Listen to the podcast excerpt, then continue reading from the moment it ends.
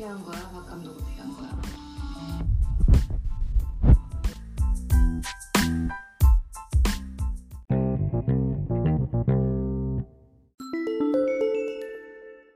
나도 누가 이런 소리 하면 그렇게 쳐다볼 때가 있었는데 어?